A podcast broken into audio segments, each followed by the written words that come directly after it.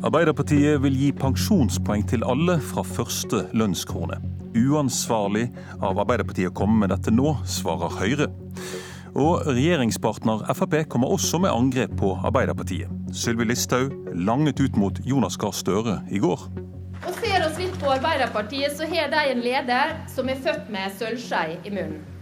Han har aldri hatt en vanlig jobb, og han er utdanna sammen med eliten i Frankrike. Hvorfor angriper Frp Støre personlig? Du lytter til Politisk kvarter den 2. mai. Før vi analyserer angrepene på Støre og Arbeiderpartiet, skal vi diskutere politikk som ble fremmet fra en rekke talerstoler i går. Velkommen Rigmor Aasrud i Arbeiderpartiet. Takk. Og velkommen til deg, Henrik Asheim fra Høyre. Takk for det. Dere vet begge at KrF sitter på vippen i spørsmålet vi nå skal diskutere, så det er KrF dere må overbevise. Aasrud, Arbeiderpartiet sammen med SV vil altså gi eh, pensjonspoeng til alle fra første krone. Kan du forklare kort hvem eh, som eh, dere vil gi denne pensjonen til? Ja, I dag er det jo sånn at I privat sektor så er det en obligatorisk tjenestepensjonsordning. Der er det sånn at du ikke trenger å gi opptjening for de første 93 000 kronene, altså 1G. Og vi mener at det er urettferdig. Det rammer særlig de som tjener lite. Eh, de taper mer på det enn de som tjener mye.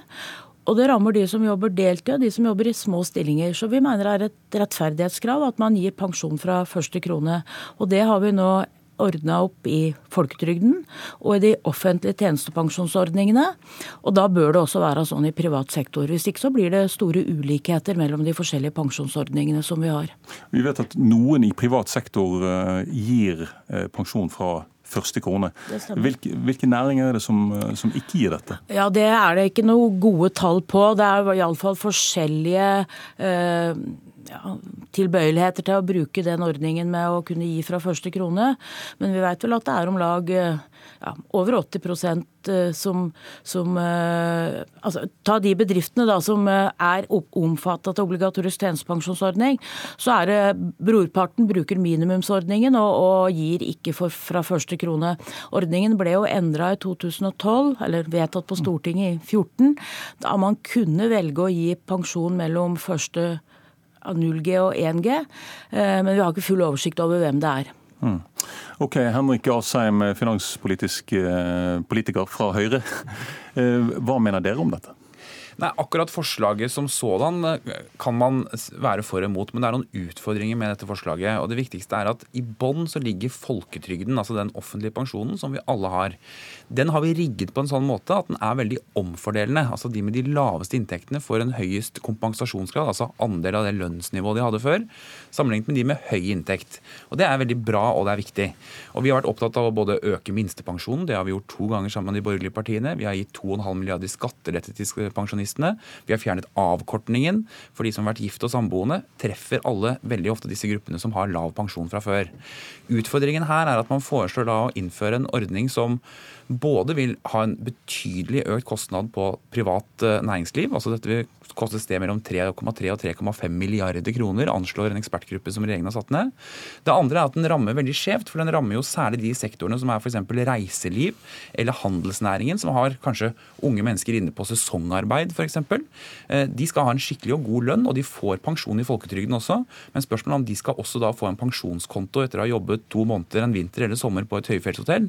Eh, og det kan kan være en kostnad som er så høy at det å fremme det som et sånn representantforslag i Stortinget, det kan rokke ved mye av pensjonssystemet vårt. Men sånn som jeg forstår det, så mener du også at de, eh, de, som vil få dette, som da har allerede en lav lønn, de har en god nok pensjon, så de trenger strengt tatt ikke denne denne, dette løftet som Arbeiderpartiet og SV tilbyr? Nei, altså jeg synes Det er veldig vanskelig å si at de med lav inntekt har en god nok pensjon. Men faktum er at sånn vi har laget folketrygden vår, så kompenserer den veldig mye for de med lav lønn.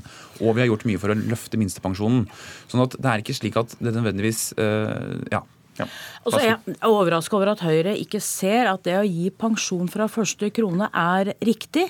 Vi ønsker jo at folk skal stå i jobb, vi ønsker at folk skal eh, være yrkesaktive. Og da er det veldig rart at du skal tjene nesten 100 000 før du får opptjening. Og det er klart For de som tjener minst, hvis du tjener 300 000, så vil jo 90 000 i manglende pensjonsopptjening bety at du mister over 30 av pensjonsgrunnlaget ditt, men hvis du tjener en million, så er det jo bare 9% Så det omfordeler jo veldig dette her, og er er fordel for de som tjener aller mest. Og vi er opptatt av de som tjener lite. Eh, de som eh, har lave lønninger i utgangspunktet, de har det ikke fett når de blir pensjonister, og derfor så bør vi tette igjen det hullet. Og det er et poeng, mener jeg, at vi har gjort endringene i folketrygden. Vi har gjort endringer i offentlige tjenestepensjoner, og da er det ikke mer rett og rimelig at også den obligatoriske pensjonsordningen som er vedtatt for privat næringsliv, følger opp på samme måte. Men Vi hører jo her at det er snakk om en regning på eh, mellom 3 og 3,5 milliarder kroner.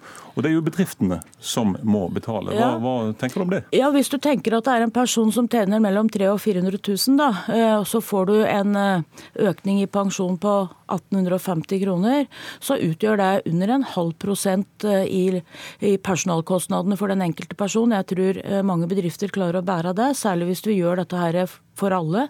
Det er det, det, som er viktig for oss, at det er en ordning som skal gjelde alle bedrifter. Sånn at du ikke får en skeiv konkurranse mellom de private bedriftene, som du kunne fått hvis dette her bare ble en del av avtaleverket mellom LO og NHO. Små beløp, eh, Asheim, sier Aasrud. Vel, det er små beløp som summerer seg opp til veldig mye for et samlet næringsliv. Eh, og mitt poeng er at Hvis vi skal ha en skikkelig og god pensjonsordning for framtida, så må vi regne inn én ting til, en faktor til, og det er arbeidsgivernes bæreevne. Altså Det må være slik at de må klare å tåle de endringene som gjøres i pensjonssystemet. Det kan godt hende at dette er en reform som etter hvert vil komme, men da må den gjøres i samarbeid med partene på en skikkelig måte, istedenfor at man bare slenger det over bordet i Stortinget, og så risikerer man da å få en ekstra regning til næringslivet næringslivet som vil bli for tung å bære på sikt. Dette er jo ikke en eh, ordning som slenges over bordet. For det første så vedtok Arbeiderpartiet at vi ønsker å innføre pensjon fra første krone på landsmøtet vårt for over et år siden. Men det har altså vært en ekspertgruppe som har jobbet etter lønnsoppgjøret i fjor, som har beregna de fire forholdene som ikke er ordna opp når det gjelder pensjon i privat sektor. Så det er en god utredning på dette. her. Jeg tror partene hadde en veldig forventning om at regjeringa kom til å ordne opp i dette. her. Regjeringa har tatt tak i det og, og for så vidt eh, tatt ut ett element som man har lagt på høring. Så det er jo ikke noe, det er ikke noe sak som kommer kastet over bordet. Dette her er godt kjent, det er godt utreda, godt beregna. Men eh, Asheim, du mener dette var uansvarlig Arbeiderpartiet å komme med dette nå, midt i lønnsforhandlingene. Hvorfor det? Ja, altså det er fordi Nå har vi jo hatt en uh, lønnsforhandling som har basert seg på de rammene som frontfagene, altså konkurranseutsatt industri, da, har satt. Og De har jo da basert seg på de rammene. Og så har NHO og LO satt seg ned og forhandla. Og Da har de blitt enige for om et ganske godt kronetillegg. Det er bra, fordi nå går norsk næringsliv bedre. Da bør også forvente en lønns- pris, altså en lønnsvekst i tråd med det. Men, men utfordringen er at når man da får gjennom tre av fire krav fra LO, og NHO kompenserer på andre måter, f.eks. med økt kronetillegg, så kan man ikke da etterpå ta en omkamp på det fjerde kravet som de ikke fikk gjennom. For da går du utover de rammene. altså De har holdt rammene, næringslivet har tatt sin del av regninga, og så kommer Arbeiderpartiet og slenger 3,5 milliard opp oppå den ramma. Og da blir det en forrykning i, i eh, regnskapet som gjør nettopp at man ikke tar inn i liksom, hva arbeidsgiversiden skal klare å tåle å bære. Og det er problemet med dette forslaget. Ja, e-, etter at uh, dette var tema i lønnsoppgjøret, så sa jo NHO-direktøren, som satt midt i forhandlingene, at uh, obligatorisk tjenestepensjon det er en lovfesta pensjon som er regjering og Stortingets domene. Det ble vedtatt innført som en lov i Stortinget etter pensjonskommisjonens forslag i tilbake på tidlig 2000-tall. Så dette her er en, en, ordning som Stortinget har hatt ansvar for å gjennomføre. Det ble gjort endringer senest i 2012, utenom at det var en del av forhandlingene. Så dette her er altså regjering og stortings domene, lovgivers domene. Og det mener jeg er riktig at vi tar tak i, for det er en urettferdighet som ligger i systemet, som vi nå har en unik mulighet til å redde opp i. Ta, og, ta vare på de som tjener lite, de som har små stillingsbrøker, de som har lave lønninger. For dette kan bety ganske mye for dem når de får pensjonen sin når de blir pensjonister. Hvis ikke nå, Asheim, når er det eh, passende å ta denne diskusjonen i Stortinget? Det må gjøres, eh, det må for det første utredes skikkelig først, og så må det gjøres i samarbeid nettopp med partene. For dette, husk på dette en regning som Arbeiderpartiet foreslår ikke at staten skal ta den, eller at skattebetalerne skal ta den, de foreslår at arbeidsgiverne skal ta den. Og Da bør det faktisk samordnes med dem også. Og jeg mener at når man fremmer et forslag før engang uravstemningen er ferdig, altså blekket var ikke engang skrevet under på avtalen, så kommer de da med det fjerde kravet som LO ikke fikk gjennom fordi de fikk gjennom de tre andre, det utfordrer hele trepartssamarbeidet i Norge. Dette, okay, er, må, jeg må, er ikke en del av trepartssamarbeidet? Jeg, jeg, må sette strek der, Aasrud. Eh, KrF er jo som sagt de som sitter på vippen i dette spørsmålet. Jeg regner med de har hørt på dette. Nå skal vi til eh, neste tema. Eh, for litt over en måned siden sørget Jonas Gahr Støre og resten av opposisjonen for å få fjernet Listhaug fra regjeringen. I går sa den avgåtte justisministeren dette.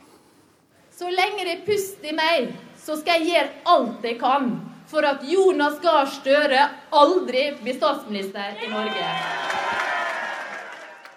Magnus Takvam, kommentator i NRK. Er Listhaugs angrep på Støre en eh, Takk for sist. Det er sikkert et eh, element eh, av det, men det var jo noe av eh, det samme Listhaug sa tirsdag 20.3 om morgenen på denne ganske oppsiktsvekkende pressekonferansen sin, da hun annonserte at hun gikk av som justisminister. Den gangen kritiserte hun også KrF, som mange husker, for ikke å, ha ryggrad, men på 1. mai var angrepene åpenbart rettet mot Arbeiderpartiet og Støre. Så hørte vi Siv Jensen i helgen som sa at det ville være en katastrofe om Støre hadde styrt landet. Hvorfor går Frp til angrep på personen Støre? Det er mange grunner til det. Alle har fått med seg at uh, i en periode der Arbeiderpartiet sliter etter valgnederlaget, så er også partilederen omstridt i eget parti, får kritikk også fra venstresiden utenfor Arbeiderpartiet og internt i Arbeiderpartiet. Da er det klart at det er en måte for uh, Frp, og for så vidt Høyre, å svekke Arbeiderpartiet og angripe partiet via lederen i partiet, som vi fikk eksempler på i går. Ja, Høyre som du sier, de har jo også angrepet eh, Arbeiderpartiet det siste. og Henrik Asheim, som fortsatt sitter ved siden av deg her i studio, han har jo sagt at Arbeiderpartiet de holder hjemme alene-fest. Altså at de er uansvarlige, og de sier de savner Jens Stoltenberg. Hva er Høyres eh, strategi? Nei, altså Asheim sa vel også her i radio for eh, noen dager siden at han heller ikke trodde nesten at Arbeiderpartiet var i stand til å styre landet. Det var da eh, et annet tema, nemlig debatten om inflasjonsmål og pengepolitikken.